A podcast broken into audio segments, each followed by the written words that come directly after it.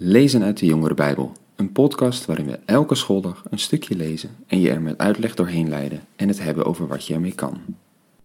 Ha jongens, leuk dat je luistert naar deze nieuwe podcast-serie. We willen dit proberen omdat we merken dat veel jongeren het lastig vinden om regelmatig wat uit de Bijbel te lezen en lezen tegenwoordig überhaupt minder gedaan wordt. Zou het dan niet makkelijk zijn elke schooldag naar een stukje Bijbel met wat uitleg te kunnen luisteren? Precies dat is wat we in deze podcast gaan doen. Stukken uit de Bijbel lezen en met wat uitleg je er doorheen helpen en laten zien wat je eraan hebt. Dat zullen soms mooie verhalen zijn, bekende of onbekende. Soms stukken uit een brief, een psalm of nou, alles wat we in de Bijbel tegenkomen. Deze week lezen we stukken uit het Evangelie van Marcus. Verhalen over Jezus en verhalen die Jezus zelf vertelt. Gelijkenissen. Jezus is daar aan het rondtrekken rondom Galilea, het meer van Galilea. Hij onderwijst er de mensen, geneest zieken en discussieert met de schriftgeleerden. En dan gaat hij in Marcus vier gelijkenissen vertellen. Verhalen die iets duidelijk moeten maken over de echte wereld of de wereld van de toekomst. En we beginnen met een stuk uit hoofdstuk 4, vers 1. Dus laten we maar gaan lezen.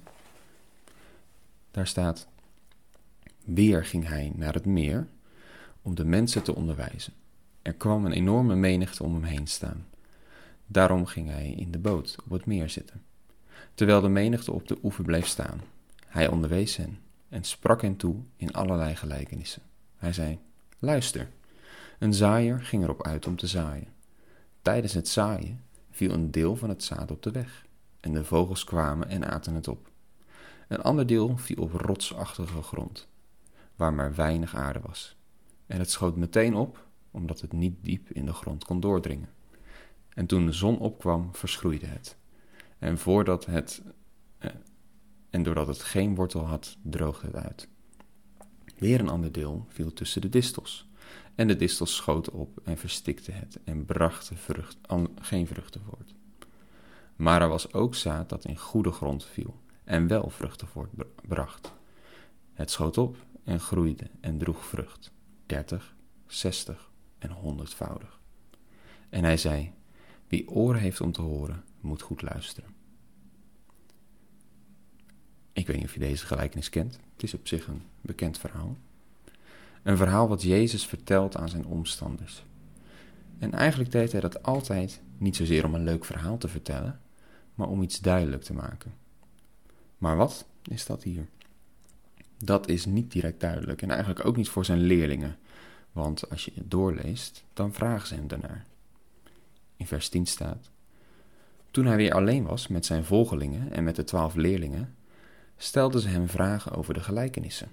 Hij zei tegen hen: Aan jullie is het geheim van het koninkrijk van God onthuld. Maar zij die buiten staan, krijgen alles te horen in gelijkenissen. Opdat ze zien, maar geen inzicht hebben. Opdat ze goed horen, maar niets begrijpen. Anders zouden ze tot inkeer komen en vergeving krijgen. Dat is een gek stukje, toch? Hij zegt tegen zijn leerlingen: aan jullie, aan jullie wil ik het allemaal wel vertellen.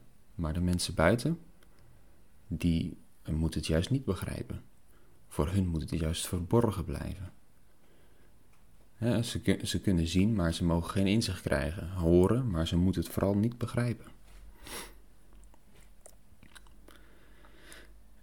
Waarom zou Jezus dat doen?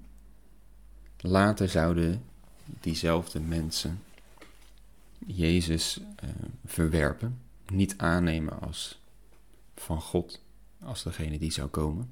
En ze zouden hem aan het kruis hangen.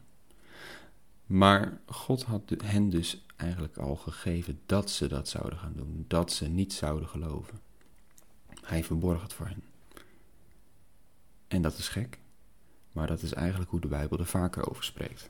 God is het die mensen laat geloven en God is het die mensen geen geloof geeft.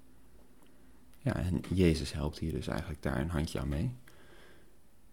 En toch, uh, na dit stukje, wat iets bijzonders zegt over gelijkenissen, gaat Jezus nog wat uitleg geven. aan zijn eigen leerlingen. Als we verder lezen, dan staat er in vers 13: Hij zei tegen hen: Begrijpen jullie deze gelijkenis niet? Hoe zouden jullie andere gelijkenissen begrijpen? De zaaier zaait het woord. Sommigen zijn als het zaad dat op de weg valt. Het woord wordt wel gezaaid, maar wanneer ze het gehoord hebben, komt meteen de Satan om het woord weg te graaien dat in hen gezaaid is. Anderen zijn als het zaad op de rotsachtige grond. Wanneer zij het woord gehoord hebben, nemen ze het meteen met vreugde aan. Maar doordat het geen wortel schiet, is dat van korte duur. Worden ze vanwege het woord verdrukt of vervolgd, dan komen ze meteen ten val. Weer anderen zijn als het zaad dat tussen distels is gezaaid. Ze hebben het woord wel gehoord, maar de zorgen om het dagelijks bestaan en de verleiding van de rijkdom en hun verlangens naar allerlei andere dingen komen ertussen en verstikken het woord, zodat het zonder vrucht blijft. Maar er zijn ook mensen die zijn als het zaad dat op goede grond gezaaid is. Zij horen het woord en aanvaarden het en dragen vrucht.